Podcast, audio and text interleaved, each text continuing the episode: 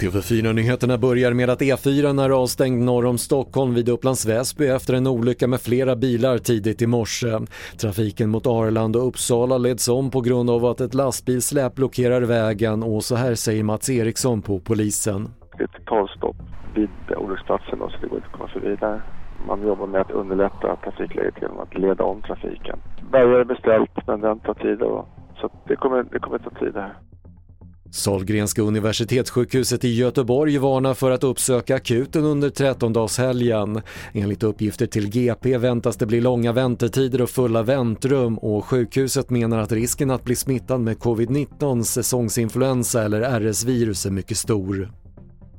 Och den amerikanska fotbollsspelaren Damar Hamlin i Buffalo Bills som kollapsade på planen efter en tackling under nattens NFL-match mot Cincinnati Bengals vårdas på sjukhus. Bills skriver på Twitter att Hamlin hålls nedsövd och hans tillstånd beskrivs som kritiskt.